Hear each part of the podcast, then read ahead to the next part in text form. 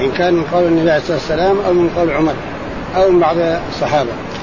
ثم ذكر ذكر قال من جهة البيت من بناية البيت ورفعها فقال سمعت عمر بن الخطاب يقول قدم رسول الله صلى الله عليه وسلم فطاف بالبيت سبعا وصلى خلف المقام ركعتين. قال ابن كثير رحمه الله فهذا كله مما يدل على أن المراد بالمقام إنما هو الحجر الذي كان إبراهيم عليه الصلاة والسلام يقوم عليه لبناء الكعبة. لما ارتفع الجدار أتاه إسماعيل عليه الصلاة والسلام به ليقوم فوقه ويناوله الحجارة فيضعها بيده لرفع الجدار وكلما كمل ناحية انتقل إلى الناحية الأخرى يطوف حول الكعبة.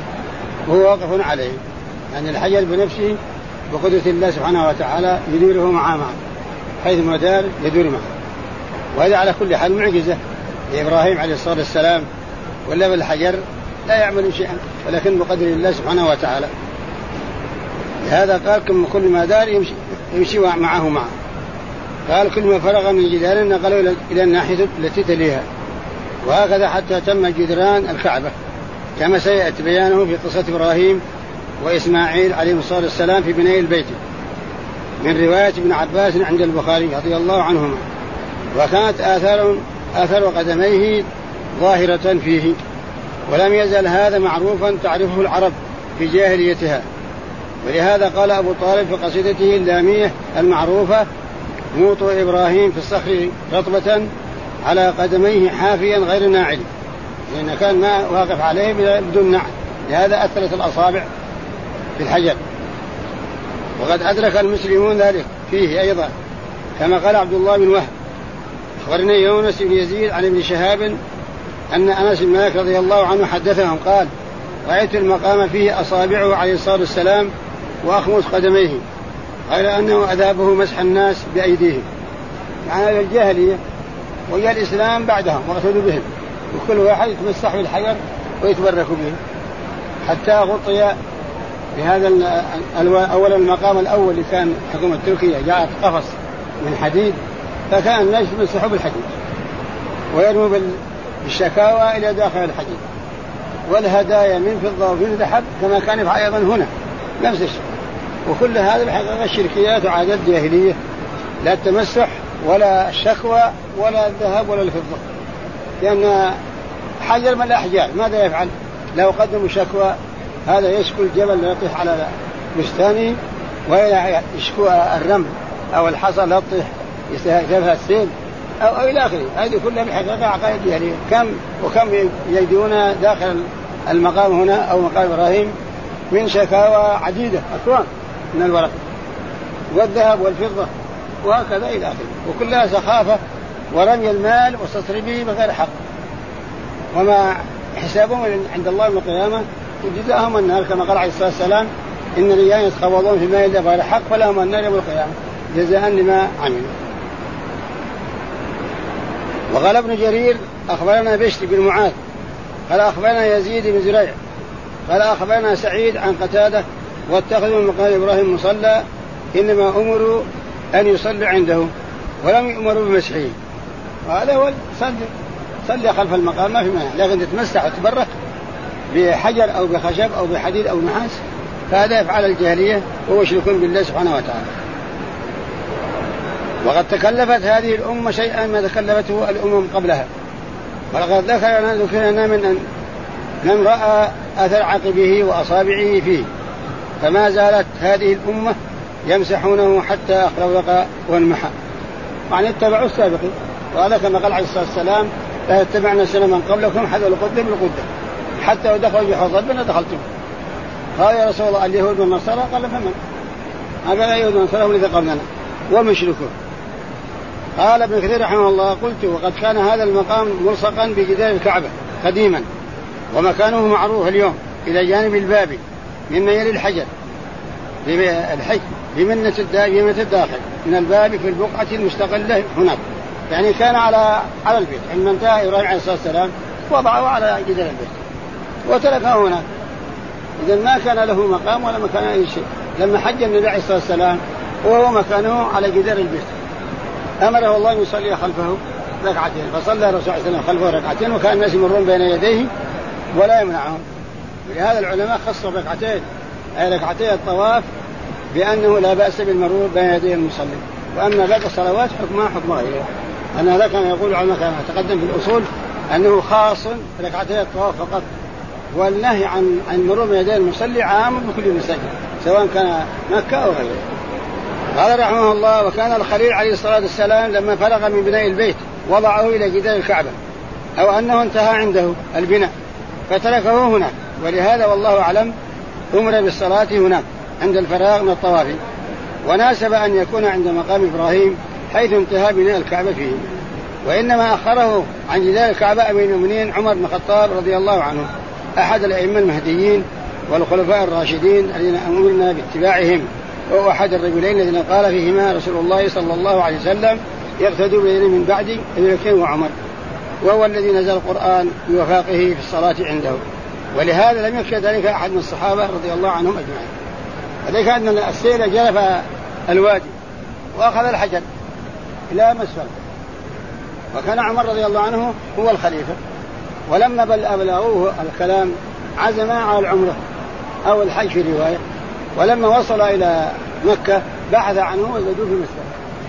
فأتوا به ففكر أين يضعه. يعني وضعه على الجدار محل ما كان زحام. الناس كثروا وكل واحد يصلي هناك ولا يستطيع إنسان يصلي مع الطواف. فشاور نفسه ومن معه وأخره إلى هذا المكان. وضعه هناك ووضع كما هو لا شب ولا قبة ولا أي حاجة. حجر حجر الأحجار. والناس يمرون على كل حال. من كان قلبه مع الشيطان تمسح به وما كان من كان قلبه مع الرحمن صلى خلفه ومشى. وهذا بالحقيقة هو السنة إن الإنسان يصلي ولكن لا يمسح جدارا لا من جدار الكعبة ولا من حجر حجر اسماعيل لأن جدار الكعبة أحجار إلا ما خصه الله سبحانه وتعالى في الحجر الأسود والركن اليماني والباقي لا يتعلق باستاء الكعبة لأن تعلق استاء الكعبة فعل المشركين كانوا يتعلقون باستاء الكعبة ويدخلون تحت الستارة ويبكون ويتخشعون. والآن كلم الناس هكذا. سابقوا الإيمان بالصلاة ليدخلوا حجر اسماعيل يتعلقوا بالحبال ويدعون يا أخي اجلس في مكانك واستغفر الله واطلب من الله أن يعفو عنك ويغفر لك ذنوبك وكذا وكذا. لكن ابوا إلا المخالفة. وهذا بالحقيقة خطأ. وابن عمر رضي الله عنهما أنكر على من يتمسح أو يلتزم المرتبة. وقال ما رأيت رسول الله صلى الله عليه وسلم لم يمس إلا ركنان بنيه لا أمس إلا مسهما عليه الصلاة والسلام. وفي الحقيقة هو مصيب وإن كان في رواية ابن عباس وهي ضعيفة أنه التزم الملتزم وصار يدعو ويبكي وقال هنا العبرات وكذا وكذا لكن على كل حال إن كان صحيح عن ابن عباس لا يكون حجة. لأن ابن عباس رضي الله عنهما اجتهد بهذا وما دام النبي عليه وسلم ما مس إلا الركنين البنين فقط فالسنه هكذا يمسح إلى الأسود أو يسلم عليه أو يقبله أو يسجد عليه جائز بهذا كله. والركن اليماني يمسحه فقط دون تسليم. وهذا هو السنة. ولكن الناس هذه المخالفة. ثم قال رحمه الله وقال عبد الرزاق أيضا عن معمر عن حميد العرج عن مجاهد قال أول من اخر المقام إلى موضعه الآن عمر بن الخطاب رضي الله عنه. وقال حافظ أبو بكر أحمد بن علي بن حسين البيهقي رحمه الله أخبرنا أبو الحسين بن الفضل القطان قال أخبرنا القاضي أبو بكر أحمد بن كامل قال حدثنا أبو إسماعيل محمد بن إسماعيل السلمي قال حدثنا أبو ثابت قال حدثنا الدراوردي عن هشام بن عروة عن أبيه عن عائشة رضي الله عنها أن المقام كان زمان رسول الله صلى الله عليه وسلم وزمان أبي بكر رضي الله عنه ملتصقا بالبيت. ثم أخره عمر بن الخطاب رضي الله عنه. وهذا كما قلنا لمشاورة بعض الناس والزحام. فأخره يعني سياسة. ويكون دين أيضا لأن المقام مقام هو هو. سواء كان لاصقا بالبيت أو كان بعيدا. فالصلاة خلفه سنة جائزة. وليس بواجب أيضا. وإذا كان المكان ضيقا أو الزحام شديدا يصلي في أي مكان يشاء في البيت. الحرام كله مسجد. وكل ما كان متوسعا داخل المسجد يجوز الصلاة فيه سواء ركعتي الطواف أو غيره. وهذا يسير صحيح مع ما تقدم. وقال ابن أبي حاتم أخبرنا أبي قال أخبرنا أبي بن أبي عمر العدني قال قال سفيان يعني ابن عيينة وهو إمام المكيين في زمانه كان المقام من سفح البيت على عهد رسول الله صلى الله عليه وسلم. فحوله عمر إلى مكانه بعد النبي صلى الله عليه وسلم وبعد قوله واتخذوا من مقام إبراهيم مصلى قال ذهب السيل به بعد تحويله عمر إياه. من موضعه هذا فرده عمر إليه هذا يعني روايه أخرى على انه سحبه ثانيا. لأن الوادي وادفا. ما كان هناك مسجد محفوظ بالأبواب وكذا إنما هو وادي. ومحل الطواف عبارة عن وادي تراب. ما فعلته قريش لا بحجر ولا بأي شيء كان. إنما الذي فعله الحجر على الحجر هو الحكومة التركية أو العباسية على قول آخر. إذا كان واديا والسيل يأتي والكعبه كانت إذا مفتوحة من تحت كما تعلمون. ما بناها إلا قريش ورفعت الباب. وإلا كان الماء يأتي من الباب يخرج من الباب الثاني. وادي من الوديان. قريش رفعت الباب لغرض وهو أخذ المال لتدخل من شاءت وتمنع من شاءت. ولا الباب كان لازق في الأرض. يدخل منه ويخرج. ولما كان عبد الله بن الزبير رضي الله عنه في مكة وصار خليفة بنى هدم البيت وبناه على قواعد إبراهيم. وجعل الباب كما كان من تحت. يدخل الناس ويخرجون وما كان أي زحام. فجاء الحجاج وهدمها وبناها على ما كان عليها قريش. جاء هارون الرشيد أراد بناء على بناء ابن الزبير فشاور العلماء قالوا لا تتركها ستكون ملعبا للناس. الامراء كل واحد يلعب على كيفه. اتركها كما هي. وتركوها على هذه الحالة وهي كما يقول العلماء إنما هي حكمة سياسية. فالنبي عليه الصلاه والسلام تركها خوفا من قريش لئلا يكفروا بالله. لقول عائشة رضي الله عنها لولا أن قومك حديث عهد بكفر لهدمت البيت وبنيت على قواعد اذا تركها سياسة. وكان عليه الصلاة والسلام يسوس الناس على قدر عقولهم بأشياء مناسبة للشرع وموافقه للشرع. لأنه على الهوى. لا. ما كان داخل في الدين ومصلحه المسلمين والإسلام يبقى كما هو. وترك هكذا إلى آخره. وعلى كل حال لو صار كما قال العلماء هارون الرشيد كل واحد كل رئيس يجي يهدم ويبني. صارت ملعبة. كل واحد يبني على كيف. كما فعل الوليد بن عبد الملك بهذا المسجد الشريف. ولا حول إلا بالله. ثم قال رحمه الله وقال سفيان لا أدري. كم بينه وبين الكعبة؟ قبل تحويله. يعني هل كان ذراع أو ذراعين؟ لكن الصحيح انه كان لصيق الجدار وأما عمر كما قلنا بعضهم أخرها كما قيل عشر أذرع. ثم زادوا تاخيرا على قول آخر. أو ارجعوه مكانه على مكان اولا وهو الآن كما هو الآن. قريب للبيت. ثم قال قال سفيان لا أدري أكان لاصقا بها أم لا؟ والصحيح كما قلنا أنه كان لاصقا. قال فهذه الآثار متعارضه على ما ذكرناه؟ والله أعلم. وقد قال الحافظ أبو بكر بن مردويه أخبرنا بابن عمر وهو أحمد بن محمد بن حكيم. قال أخبرنا محمد بن عبد الوهاب ابن أبي تمام. قال أخبرنا آدم هو ابن أبي إياس. في تفسيره قال أخبرنا شريك عن إبراهيم بن مهاجر. عن مجاهد قال قال عمر بن الخطاب يا رسول الله لو صلينا خلف المقام فأنزل الله تعالى واتخذوا مقام إبراهيم مصلى. فكان المقام عند البيت فحوله رسول الله صلى الله عليه وسلم إلى موضعه هذا. قال مجاهد وكان عمر يرى الرأي فينزل به قران هذا مرسل عن مجاهد وهو مخالف لما تقدم من روايات عبد الرزاق عن معمر عن حميد العربي عن مجاهد. وأيضا فيه شريك القاضي وهو ضعيف. إذا كان بالحديث فهو ضعيف. قال على الصحيح أن عمر هو اللي اخره لا الرسول لأن هنا قال الرسول صلى الله عليه وسلم هو اللي اخره فالحديث مرسل من جهة. إن مجاهد ما أدرك عمر. وثانيا إن فيه شريك القاضي وهو ضعيف في الحديث. فعلى هذا يكون الرواية ضعيفة والأول هو الصحيح لهذا قال هو مخالف لما تقدم رواية عبد الرزاق عن معمر عن حميد العرج عن مجاهد أن أول ما اخر المقام إلى موضعه الآن عمر بن الخطاب رضي الله عنه. وهذا أصح من طريق ابن مردويه مع اعتضاده هذا ما تقدم والله أعلم.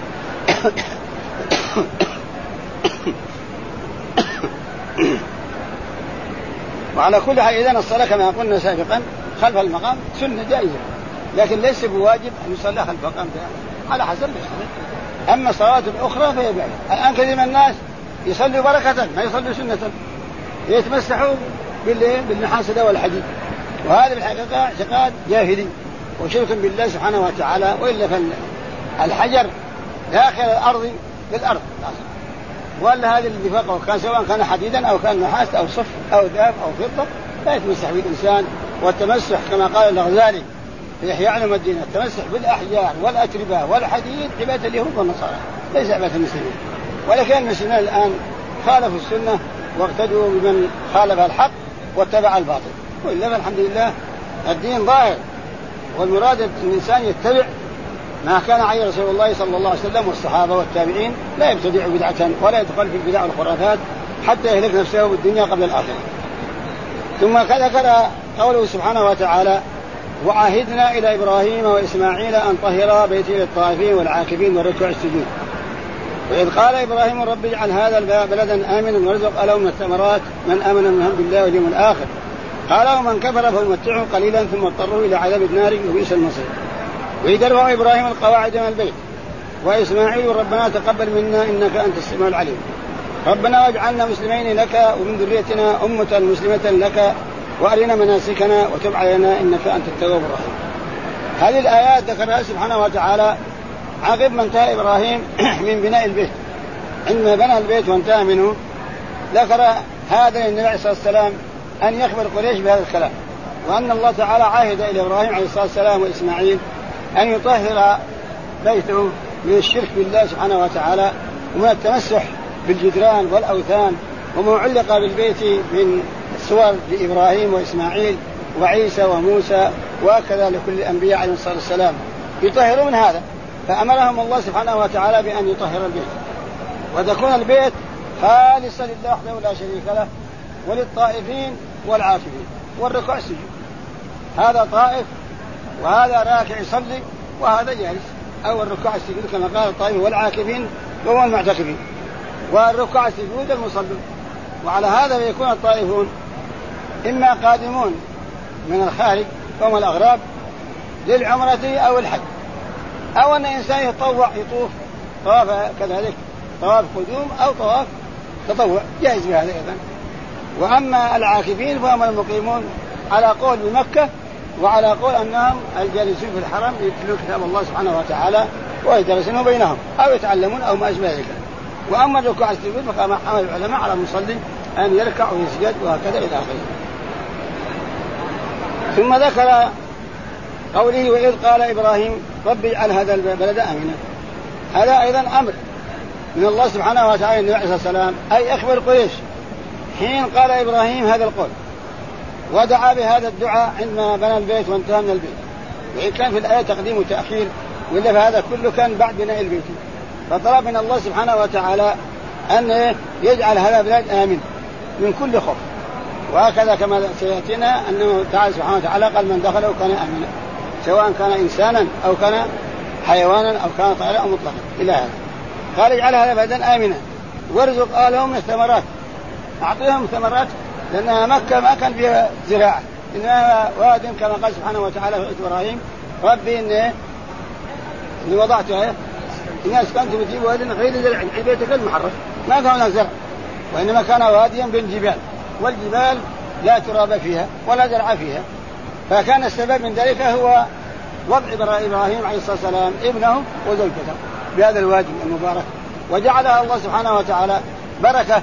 اولا في إظهار البيت ما كانت معروفة. وثانيا في الرزق الذي دعا إبراهيم عليه الصلاة والسلام. جعل الله جرهم بتجارتها ينظرون نظروا إلى الماء. وقد الطيور على الماء قالوا ما هناك إلا ماء. وما كانوا يعهدون أن هناك ماء. فأرسلوا والدهم إلى هذا المكان الماء فأملأ قربته ورجع إلى القافلة وقال هناك مرأة وطفل والماء عندهم كثير جدا جدا فمالوا إليها.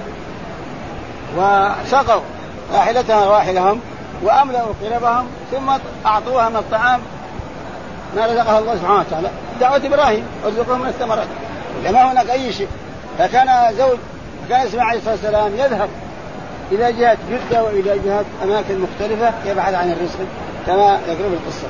فالله تعالى ساق لهم جرهم بتجارتها.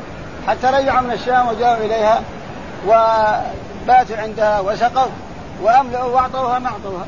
حتى رجعت هنا قيل بالمرة الثانية فطلبوا منها أن يكونوا عندها. يبيتون ويملئون ويسقون وإلى آخره. فقالت بشرط ليس لكم حق في المال الماء لولد وأنتم تأخذون حاجتكم. أما تتملكون لا استاذنوا منها البناء في الوادي فاتبنوا وهكذا صارت قرية كبيرة وإلى آخره. حتى زوجوا إسماعيل منهم وصار إذا عربيا منهم وتعلم العربية وإلى آخره القصة. وعلى كل حال فهذه دعوة إبراهيم أن يرزق لهم من الثمرات. وهكذا إلى آخر الآيات ما يأتينا إن شاء الله. ثم قال من آمن منهم بالله واليوم الآخر سيرزقه هذا إبراهيم طلب من الله أن يرزق هؤلاء. ولكن الله سبحانه وتعالى قال سيرزق الجميع. ولكن من كفر بالله سبحانه وتعالى سيعذب العذاب الأليم. لهذا قال ومن كفر يمتعه قليل. يعطيه. من هذه الدنيا أيضا. ما هناك مانع. لكن إذا أبى إلا الكفر بالله سبحانه وتعالى ثم أضطره إلى عذاب النار بئس المصير بعد ذلك يدخل جهنم غصبا عنه. لأنه عصى الله سبحانه وتعالى. وهكذا كل من أخذ نعم الله ولم يشكر هذه النعمة العظيمة بطاعة الله سبحانه وتعالى فهو إلى النار. لأنه قال ثم اضطروا إلى عذاب النار. وبئس المصير؟ ولا شك أنها بئس المصير وبئس المرجع وبئس لأن نار عذاب دائم وأبدا. نعم. المتاع هذه الدنيا؟ أو متاع قليل من حيث اتساع الرزق؟ لا الرزق فقط. متاع الدنيا مطلقا. ومتعه قليل إيه؟ من الدنيا هذه. المتاع المتاع ينتهي الدنيا؟ أو معنى قوله تعالى فأمتعه قليل أي أخرج له رزق لا مهما كان. أمتعه في الدنيا قليل لأن الدنيا مهما كانت لو كان ملكا وعنده المليارات والبليارات وكذا هو قليل. لأن الله تعالى قال قل متاع الدنيا قليل. فمتاع الدنيا لو تعمر إنسان آلاف السنين ثم إلى جهنم ما تعمر شيء. ما تمتع ولا يوم ولا ساعة واحدة. بخلاف المؤمن يتمتع الدنيا كلها بعمره كاملا. عابد لله وحده لا شريك له وهو متاع مع مع الطاعة. إذا نعم في الدنيا ونعم في الآخرة. فالكافر لا يتنعم في الدنيا وهو قليل. وفي إلى جهنم. كما قال سبحانه وتعالى أذهبتم طيباتكم في هذه الدنيا. ما بقي شيء. كان لهم في الجنة زوجات ولهم نعيم ولهم ولهم إلى آخره كفروا بالله سبحانه وتعالى وأشعروا أشركوا مع غيره. فهناك إلا جهنم. إذا لمن بقيت الجنة؟ لغيرهم كما قال سبحانه وتعالى إن الخاسرين خسروا أنفسهم وأهليهم يوم القيامة. خسروا. ما كان معد لهم. إذا آمنوا بالله سبحانه وتعالى لأن كل مخلوق يخلق على الفطرة. له نصيبه في الجنة. من نعيم الجنة كاملة. فإذا كفر بالله وجعل مع الله إلها آخر يدعوه ويستغيث به ويستعين به حرم ما كان له في الجنة. وكان لغيره وراثة وهكذا. وما هو النار نعوذ بالله من ذلك إذا المتع قليل مهما كان. لو تعمر ألف, ألف سنة. هو قليل. لأنه ولو لحظة واحدة عبد الله. ما عبد الله. فعدي بن حاتم كما تعلمون كان حاتم الطائي كان غنيا وكان كريما. ولما جاءت ابنته مأسورة مع الجيش قالت يا رسول الله أنا بنت فلان. ابن فلان أمن علي. قال من علي؟ اعتقوها اتركوها.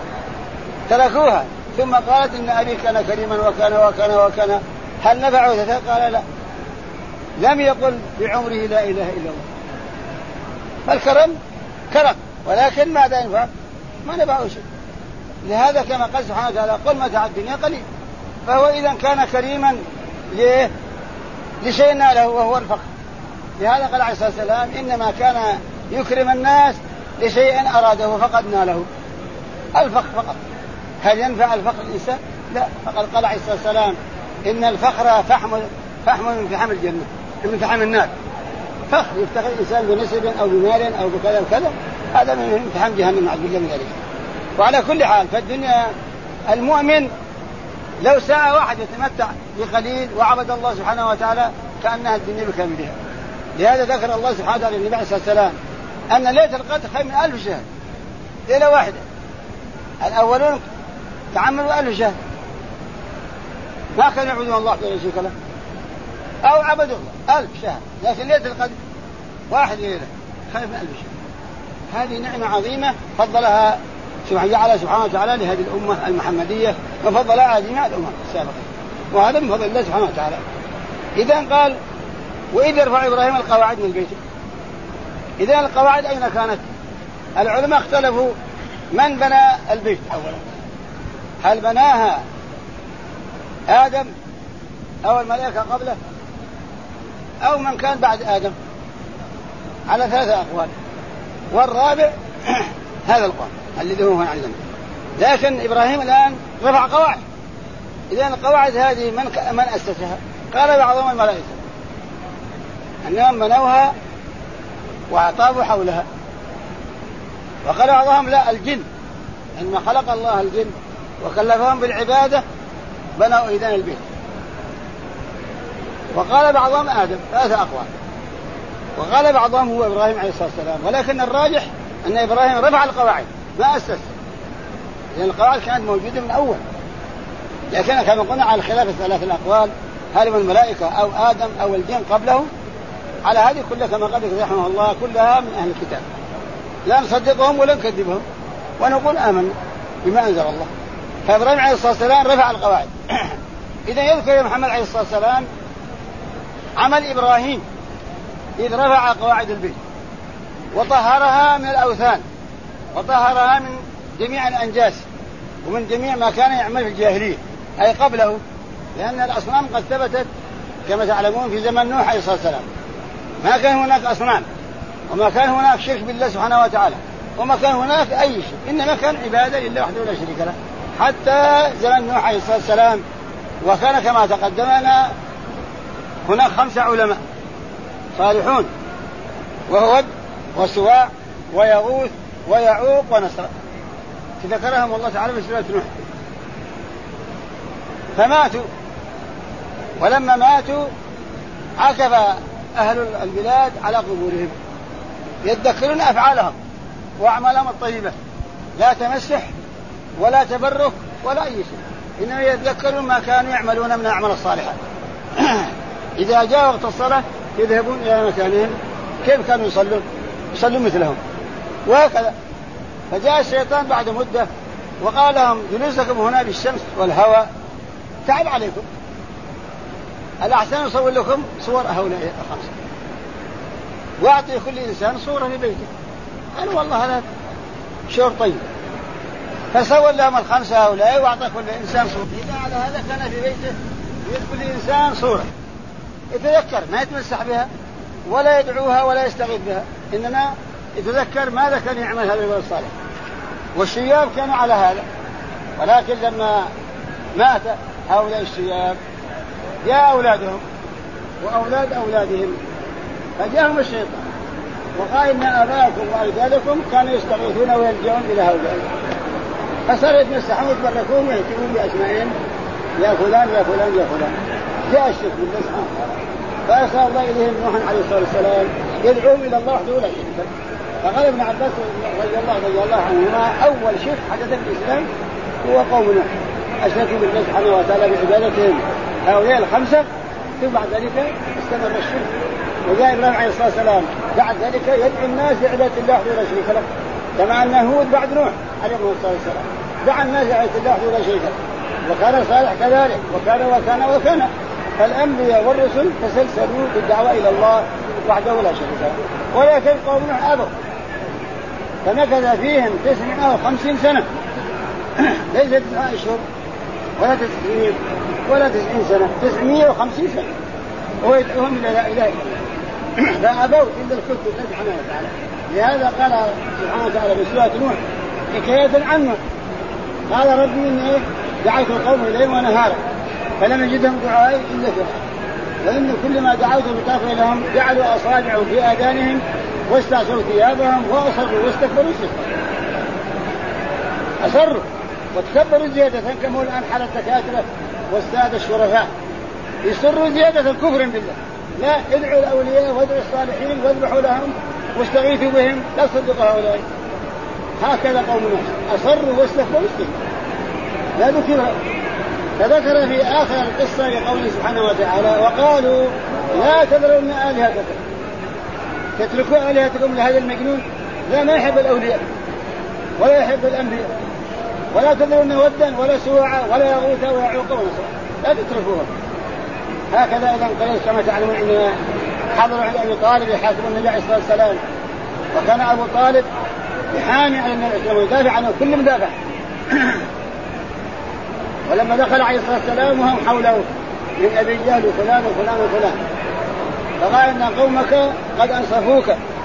ماذا قالوا؟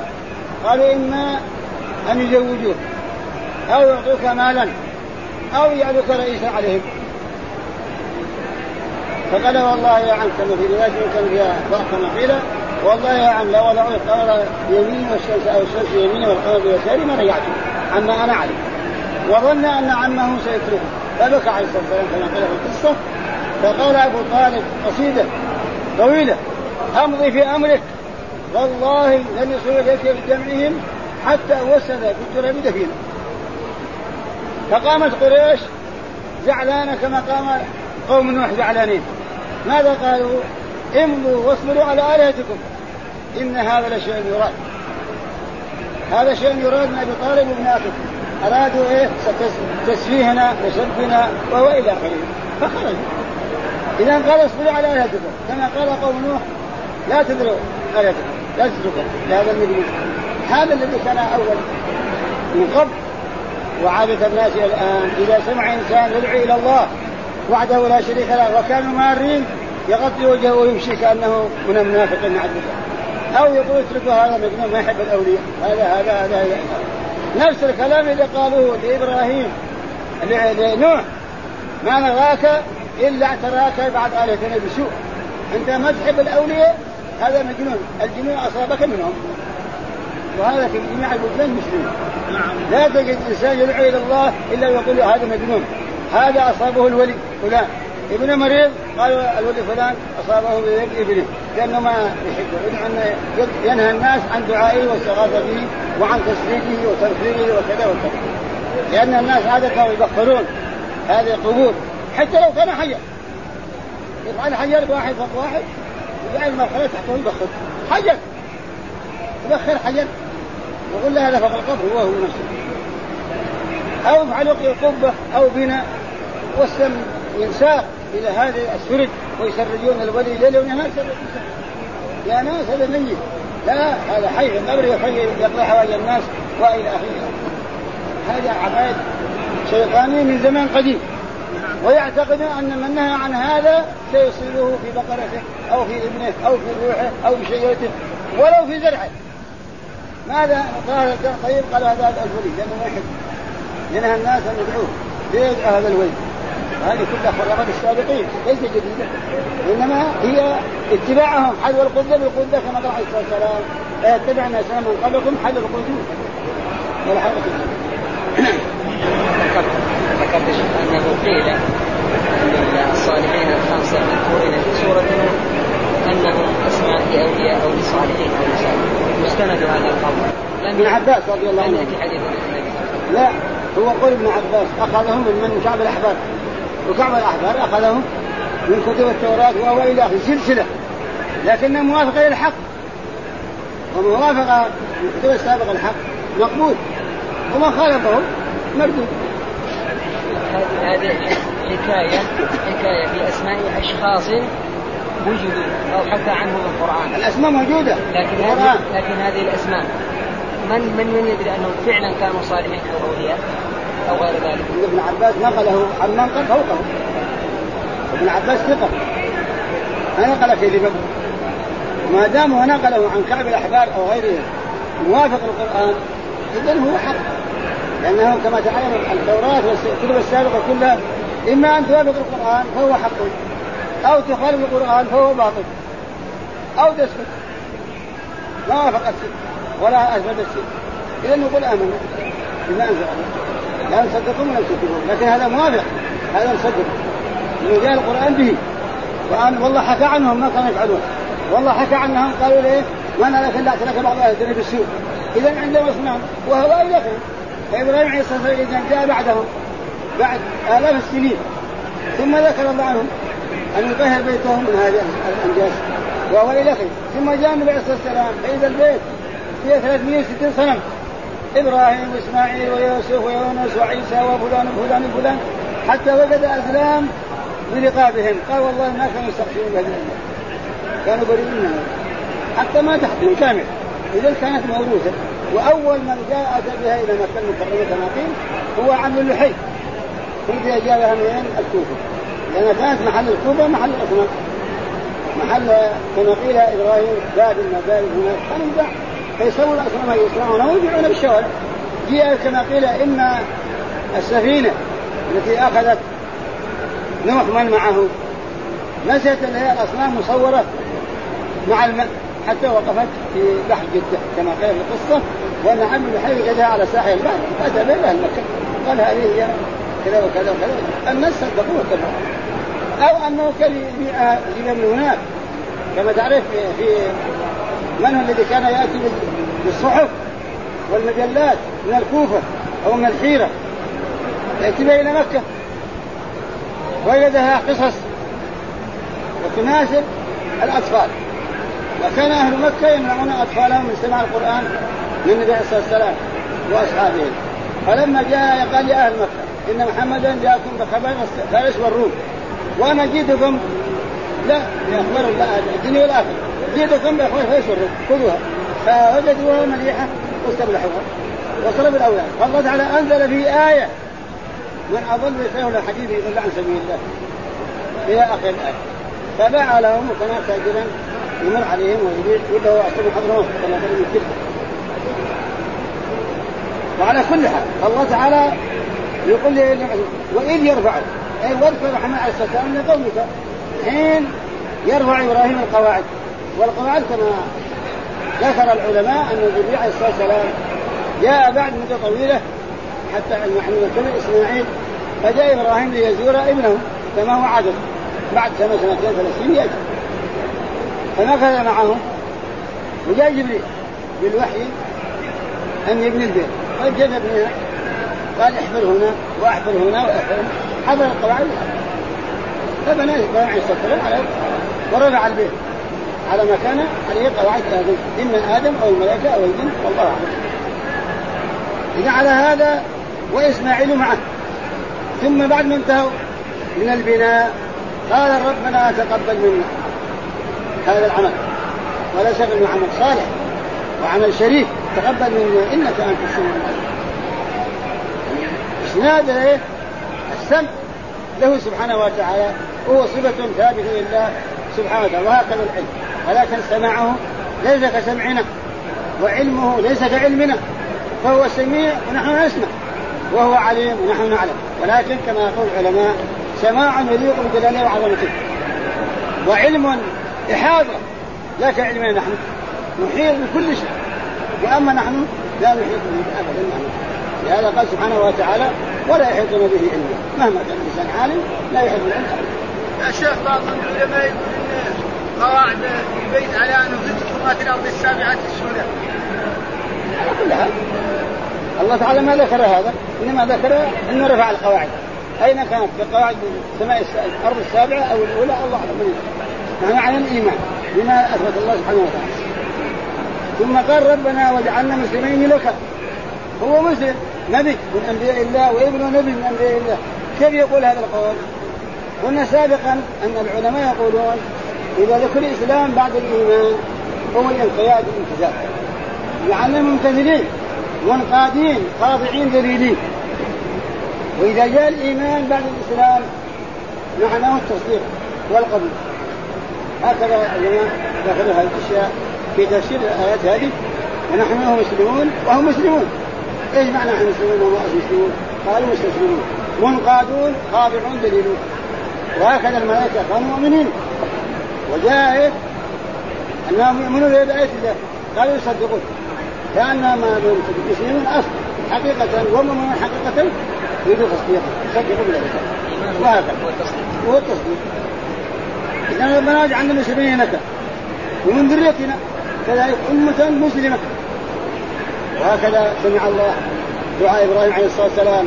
وجعل من ذريته إسحاق. وجعل من ذرية إسحاق يعقوب وجعل منهم ظالم ومنهم محسن قسمون السيف فاليهود لعنهم الله يقولون إنهم أولاد إسحاق. ولا شك من أولاد إسحاق ما في مانع. لكن هل هم مسلمون؟ لا. الله تعالى قال وجهه انه جعل منهم محسن وظالم لنفسه مبين. فالمحسن هو المؤمن والظالم هو الكافر. فهم كفر بالله سبحانه وتعالى وما اتبعوا إنما باللسان فقط النسبة كاذبة. وأرينا مناسكنا. أخبرنا علمنا المناسك. كيف نعبدك يا رب؟ من صلاة لأن النسك عام. العبادة مطلقا إن كان يطلق في اللغة أيضا على الذبح. قال سبحانه وتعالى قل إن صلاتي ونسكي. إلى آخر الآية. ولكنه لفظ عام في جميع العبادة. النسك إذا هو العبادة لله وحده لا شريك له. سواء كان ذبحا أو كان صلاة أو حجا أو إلى أرنا مناسكنا. أي أرنا وعلمنا كيف نعبدك يا ربنا وتب علينا إذا حصل منا ذنب من الذنوب. تب علينا مع أنه كان نبيا ليس عليه ذنب ولكنه يطلب من الله أن يتوب عليه كما قال عليه الصلاة والسلام. يقول أيها الناس توبوا إلى الله. والله والله أو نفسي بيده إني لا أتوب اليوم أكثر من سبعين مرة. وفي رواية إني أستغفر الله اليوم أكثر من 100 مرة أو 100 مرة. إذا كان الأنبياء والرسل خائفين من الله سبحانه وتعالى. لأنهم عبيد الله عبيد لله وحده لا شريك له. ما كانوا ملوك ولا كانوا رؤساء ولا كانوا شياطين لا. عبيد لله وحده لا شريك له. استعبدهم الله فعبدوا خلاف الآن كثير من المسلمين أو من قبل. استعبدوا إيه؟ الشيطان. فعبدوا مع الله سبحانه وتعالى. فصاروا عبيدا للشيطان وليس عبيدا لله وحده لا شريك له. وهكذا كل عاصي هو عابد للشيطان.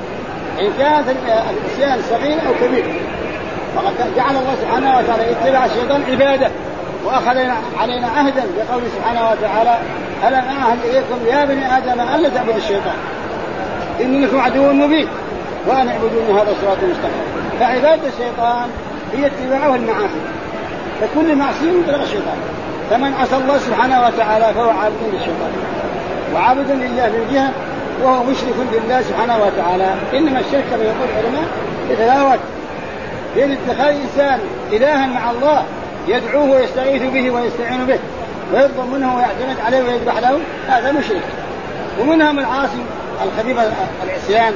لكن قال ابن عباس رضي الله عنهما لا صغير عن الإصرار ما دام الإنسان مصر تكبر الصغائر. كبيرة كبيرة كبيرة حتى تصير كبيرة. ولا كبيرة عن الاستغفار. مثل ما يتوب إلى الله سبحانه وتعالى الله تعالى يتجاوز عن حقه سبحانه وتعالى. إذا تب علينا إنك أنت التواب الرحيم. وهذا كما تقدم إنك أنت السميع العليم ونقول إنك إيه؟ أنت التواب الرحيم. تواب كثير التوبة. مو تاب تائب تواب. صيغة مبالغة. ومن كثير التوبة. يقبل توبة من الإنسان مهما كان. إذا إنك أنت التواب على من تاب أو لمن تاب. والرحيم بخلقك يرحم سبحانه وتعالى. وقد جعل الرحمة كما قال عليه الصلاة والسلام مئة جزء. جزء منها جعله في الخلق. حتى الدابة ترفع رجلها حين ترضع ابنها من الرحمة وتسعة وتسعين أخرها الله سبحانه وتعالى إلى يوم القيامة. يرحم بهم من عباده المؤمنين لا الكافرين. كيف الكافر جهنم مهما عمل ومهما تصدق مهما فعل. لكنهم هدموا كافر بالله أو مشرك بالله سبحانه وتعالى. ما هناك رحمة. ما هناك لجهنم جزاء لما عملوا فيه إذا قال ابن كثير رحمه الله قال حسن البصري رحمه الله في تفسير قوله تعالى وعهدنا إلى إبراهيم وإسماعيل قال أمرهم الله أن يطهر أن يطهراه أي البيت من الاذى والنجس لا يصيبه من ذلك شيء وهذا على كل حال لا شك أن النجس والأذى الأذى قد يكون بالتمسح وتعلق الأصنام أذى لأن البيت طاهر جعله الله طاهرا. هم دنسوه بالاصنام والتمسح بها والتعلق بها. بحبالها كما الآن كثير من الناس يتعلقون بالحبال وبالستره وبالاحجار يتمسحون. يا ناس هذا حرام يجوز. الحجار حجار. والكسوة كسوة قطن وصوف والحبال حبال. من خشب ومن شجر. ما تعلق بها. ولكن لا حق ما هناك ناهي ينهى.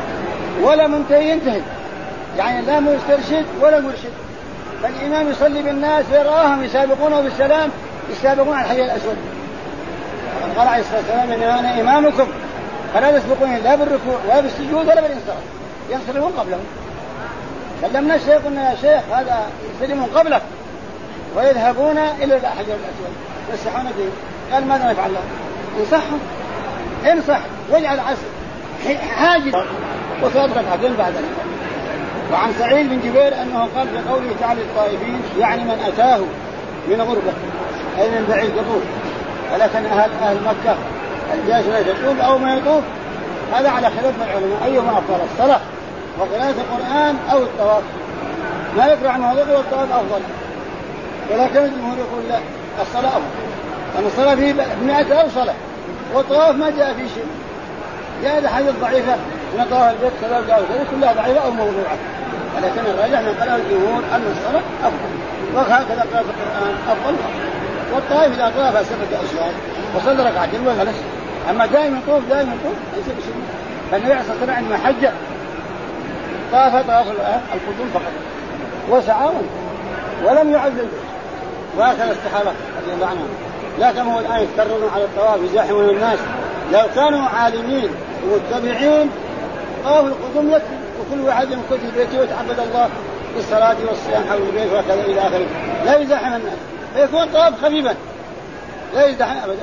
من جاء جديدا يطوف ومن لا يجلس في مكانه وهكذا. وأهل مكة نفس جهلا لا يفهمون ما الدين إلا عادة. عدد آبائهم وأجدادهم. دائما حول البيت. يأتي ويطوف ويطوف اما سبع مرات. والله يوم طفت سبع مرات. يعني سبع طوافات. الطواف الأول ثلاث ركعتين ثم يطوف ثلاث مرات ويصلي ركعتين ثم سبع مرات. اذا لماذا لا يترك البيت للطائفين القادمين؟ هذا خطأ. لو جلس وصلى ركعتين وأخذ كتاب الله وتفقه فيه أو تعلم عن انسان كان خير له هذا. يطوف ولا يدري ما يطوف ماذا يطوف. إما يتمسح بالأركان كلها بل بإيه؟ بالبناء اللي هو خلف الكعبة. مع أنه من البيت. كما قلنا لا يجوز الإنسان يتمسح بحجر أحجار أو مرمر أو أو إلى آخره. كله مصنوع من الناس وكله مخلوق. وما كان مخلوقا ليس فيه ابدا مهما قال وهكذا.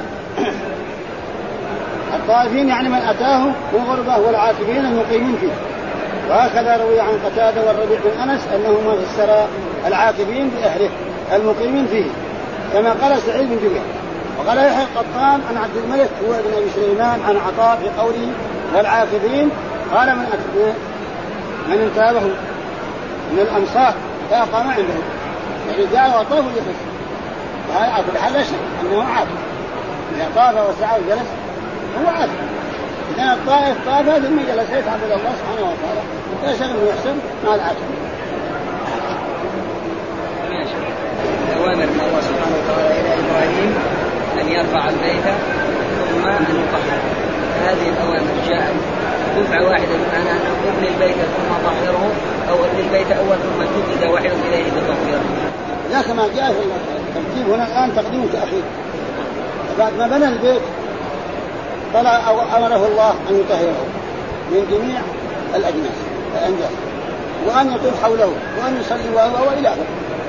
هذا كما قال نسيتنا ثم قال رحمه الله وقال لنا ونحن مجاورون أنتم من العاكفين.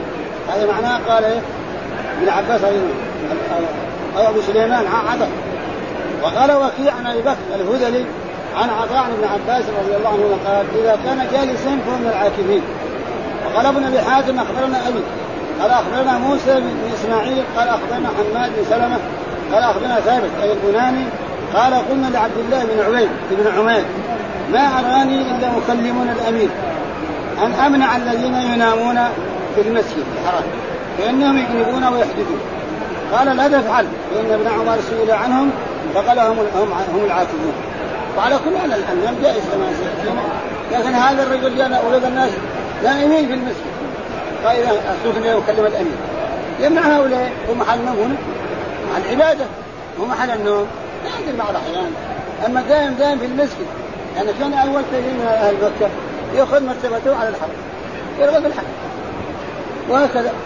فهذا جاءته غيرة وقال دعني لم أكلم الأمين. ما هذا؟ هو محل نوم قال اتركهم فإن ابن عمر كان يقول هم عاكفون. ولكن الحقيقة يعني ليسوا عاكفون. العاكف مكان متعبد. الجالس الداخل الله سبحانه وتعالى هو الذي يصلي والذي يقرأ والذي يتحدث والذي يعلم عاكفا أما أنه ينام ليس معاكفا ولكن هكذا.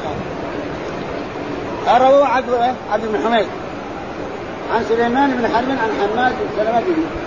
قلت وقد ثبت بالصحيح أن ابن عمر كان ينام في مسجد الرسول صلى الله عليه وسلم وهو عزته وإذا كان يحتلم كما قال يقلبون أو يحدثون الحدث ليس عليه شيء. فقد قال صلى الله عليه وسلم من فسى في صلاته.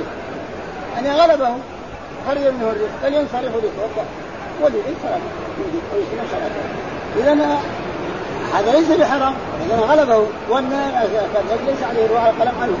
وإذا اجنب العلماء يقولون إذا انتبه وجب عليه ان يغتسل أو يتوضا أو يتيمم وإذا وليس عليه شيء. وهذا هو وسعة من الله سبحانه وتعالى. وأما قوله تعالى والركع السجود فقال وفيه. عن أبي بكر الهذلي عن عطاء عن ابن عباس رضي الله عنه والركع السجود قال إذا كان مصليا فهو ركع السجود. وكذا قال عطاء وقتاده. قال ابن جرير رحمه الله فمعنى الآية وأمرنا إبراهيم وإسماعيل بتطهير بيت الطائفين والتطهير الذي أمرهما به في البيت هو تطهيره من الأصنام وعبادة الأوثان فيه من من الشرك. ثم أورد سؤالا فقال فإن قيل فهل كان قبل بناء إبراهيم؟ عند البيت شيء من ذلك؟ أمر أمر بتطهيره منه. وأجاب بوجهين أحدهما أنه أمرهما بتطهيره مما كان يعبد عندهم. زمان قوم نوح من الأصنام والأوثان ليكون ذلك سنة لمن بعدهما إذ كان الله تعالى قد جعل إبراهيم إماما يقتدى به كما قال عبد الرحمن بن زيد. أن طهر بيتي غالم الأصنام التي يعبدون؟ يعبدون. الذي كان المشركون يعبدونها قال ابن كثير رحمه الله وهذا الجواب مفرع على أنه كان يعبد عنده أصنام قبل إبراهيم عليه الصلاة والسلام. ويحتاج إثبات هذا إلى دليل عن الرسول صلى الله عليه وسلم. وعلى كل حال القصص ظاهرة ومعناها صحيح. وإن كانت إسرائيلية انهم كانوا يفعلون ويفعلون ويفعلون ما دام موافق الشرع ما خالف الشرع لو خالف الشرع تركناها ولكن وافق المخالفة يا شيخ أن إبراهيم ثبت بنص القرآن أنه أسكن ذريته بواد غير ذي زرع أي أنه مهجور ليس به سكان. فوجود الأصنام يستلزم أن يكون هناك سكان قبل وجود إبراهيم. لكن هل كان الناس يحجون في البيت اولا مثلا؟ يحجون. يعني يحجون. اذا علقوا الأصنام. فيه جاء السيل جرفها. جاء إبراهيم لا بيت. ما في شيء السيل جرف البيت بكامله ما بقي شيء منها إذا لم يترك الاصنام قبل قبل. زمن نوح فين؟ زمن نوح عليه الصلاة والسلام نعم. حدث الاصنام اذا لا قبل نقول قبله كان فيه. اذا لما بناه أمره أن يطهره من هذه الأشياء كلها. ويمنع الناس أن يعلقوا بصنمهم ففعل هذا الفعل يعني كان حكاية فعل. يحكي الله سبحانه وتعالى لإبراهيم أن السابقين قد فعلوا هذه الأفعال كلها. أنت يمنع جميعا. طهر البيت. من جميع الشركيات ومن جميع الوثنيات ومن جميع المعاصي. لا يجعل الانسان يتفسح ولا يتفرق ولا يعلق صنما ولا وثنا ولا ولا إلى آخره. ما في هذا ما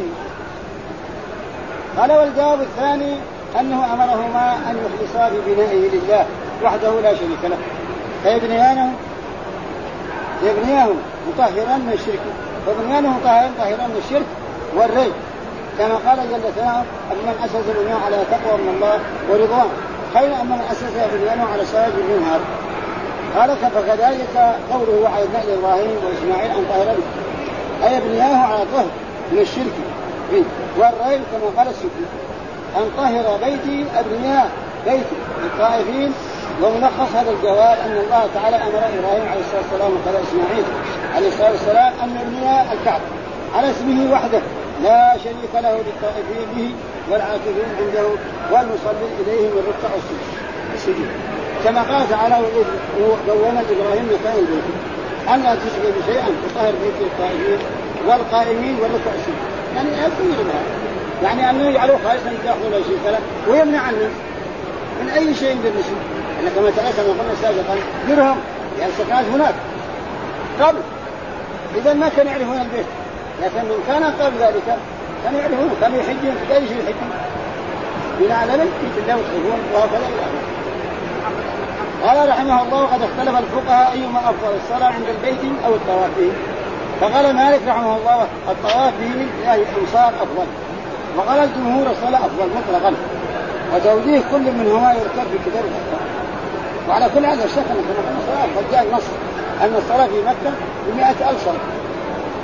فرق بين الطائف الطواف ما هناك أي حديث إلا حديث ضعيفة أو موضوع مكذوب من طاف كذا فله كذا من طاف كذا فله كذا. وكان أول يكتب مع هذا حق الطواف ولكن الحكم منعته أكاذيب وأن الحج إسماعيل في 350 نبي متوفى وأن المقام من دم المقام إلى المقام أيضا كذلك آلاف الأنبياء مقبولين هناك. طيب الناس يصلوا فوقهم ما يذكر هؤلاء الكذابين على أن هؤلاء هذا كذب وافتراء هذه كلها كانت مكتوبة في كتب الحج والزيارة. ولكن الحكم الحمد لله من عصا سويها العلماء رحمهم الله. الله. طيب على كل حال. قال والمراد من ذلك الرد على المشركين الذين كانوا يشركون بالله عند بيته المؤسس على عبادته وحده لا شريك ثم مع ذلك يصدون أهله المؤمنين عنه. كما قال تعالى إن الذين كفروا ويصدون عن سبيل الله والمسجد الحرام وجعلناه للناس سواء العدل فيه والباب ومن يريد به بالحاد بظلم يكون عليه ثم ذكر أن البيت إنما أسس لمن يعبد الله وحده لا شريك له اما بطواف أو صلاة. وذكر بشهد الحج أجزاءها الثلاث قيامها وركوعها وسجودها. ولم يذكر العاكفين لأنه تقدم سواء العاكفين والباد وفي هذه الآية الكريمة ذكر الطائفين والعاكفين واكتفى بذكر الركوع والسجود. عن القيام لأنه قد علم أنه لا يكون ركوعا ولا سجودا إلا بعد القيام. اذا الصلاة لابد منها من القيام. الركوع يكون بعد القيام ثم السجود على آخره. الله المستعان. وفي ذلك أيضا رد على من لا يحجه من أهل الكتابين اليهود والنصارى.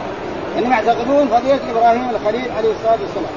وكذا إسماعيل عليه الصلاة والسلام ويعلمون أنه بنى هذا البيت في الطواف في الحج والعمرة. وغير ذلك وللاعتكاف والصلاة عنده وهم لا يفعلون شيئا من ذلك. فكيف يكونون مقتدين بالخليل وهم لا يفعلون ما شرع الله لهم؟ وقد حج البيت موسى بن عمران عليه الصلاة والسلام وغيره من الأنبياء عليه الصلاة والسلام كما اخبر بذلك المعصوم الذي لا ينطق عن الهوى. ان هو إلا وحي وعلى كل حال حتى لو طافوا وسعوا وهم يهود ما ينفع طوافهم ولا سعيهم مع انهم ينكرون إسماعيل عليه الصلاة والسلام يقول ما في إسماعيل إنما هو إسحاق. انهم يزعمون انه من عياله يقول إن الذبيح هو إسحاق. طيب الذبيح في مكة ليس في المقدس. ما ثبت أن إسحاق راح مكة وبنى البيت ابدا. لما تأخر بعد سنين كما قيل. 13 سنة أو 14 سنة. ثم ولد بعد ذلك. وما ذهب إلى البيت ابدا ولا بنى. انما بنى ثم لم اذا هم يدعون هذه الادعاء كذبا وزورا ولهذا كثير من المفسرين انجرفوا وراء اليهود قالوا هو إسحاق. تقليدا لليهود وما ذكروا ان بين إسماعيل وإبراهيم سنين أو إسماء واسحاق سنين 13 سنة وقيل أكثر. وعلى كل حال فهم مدعون دعوة باطلة. وتقدير الكلام وعاهدنا إلى إبراهيم أي تقدمنا بوحينا إلى إبراهيم وإسماعيل عليه الصلاة والسلام أن طهر بيت للطائفين والعاقبين والركوع السجود. أي طهرهم من الشرك والريب. وابنيه خالصا لله معقلا معقلا للطائفين والعاكفين والركوع السجود. وتطهير المساجد مأخوذ من هذه الآية الكريمة ومن قوله تعالى في البدع أن الله يرفع ويذكر فيها اسمه يسبح له يسبح له بالغدو والآصال ومن السنة من أحاديث كثيرة من الأمر بتطهيرها وتطييبها وغير ذلك من صيانتها من الأذى والنجاسات وما أشبه ذلك. ولهذا قال عليه الصلاة والسلام إنها بنيت المساجد كما بنيت وقد بنيت جزءا على ومن حديث عائشة لما ذكرنا بضع مرات قالت أمر النبي عليه الصلاة والسلام ببدء وانت طاهر وأنت طيب.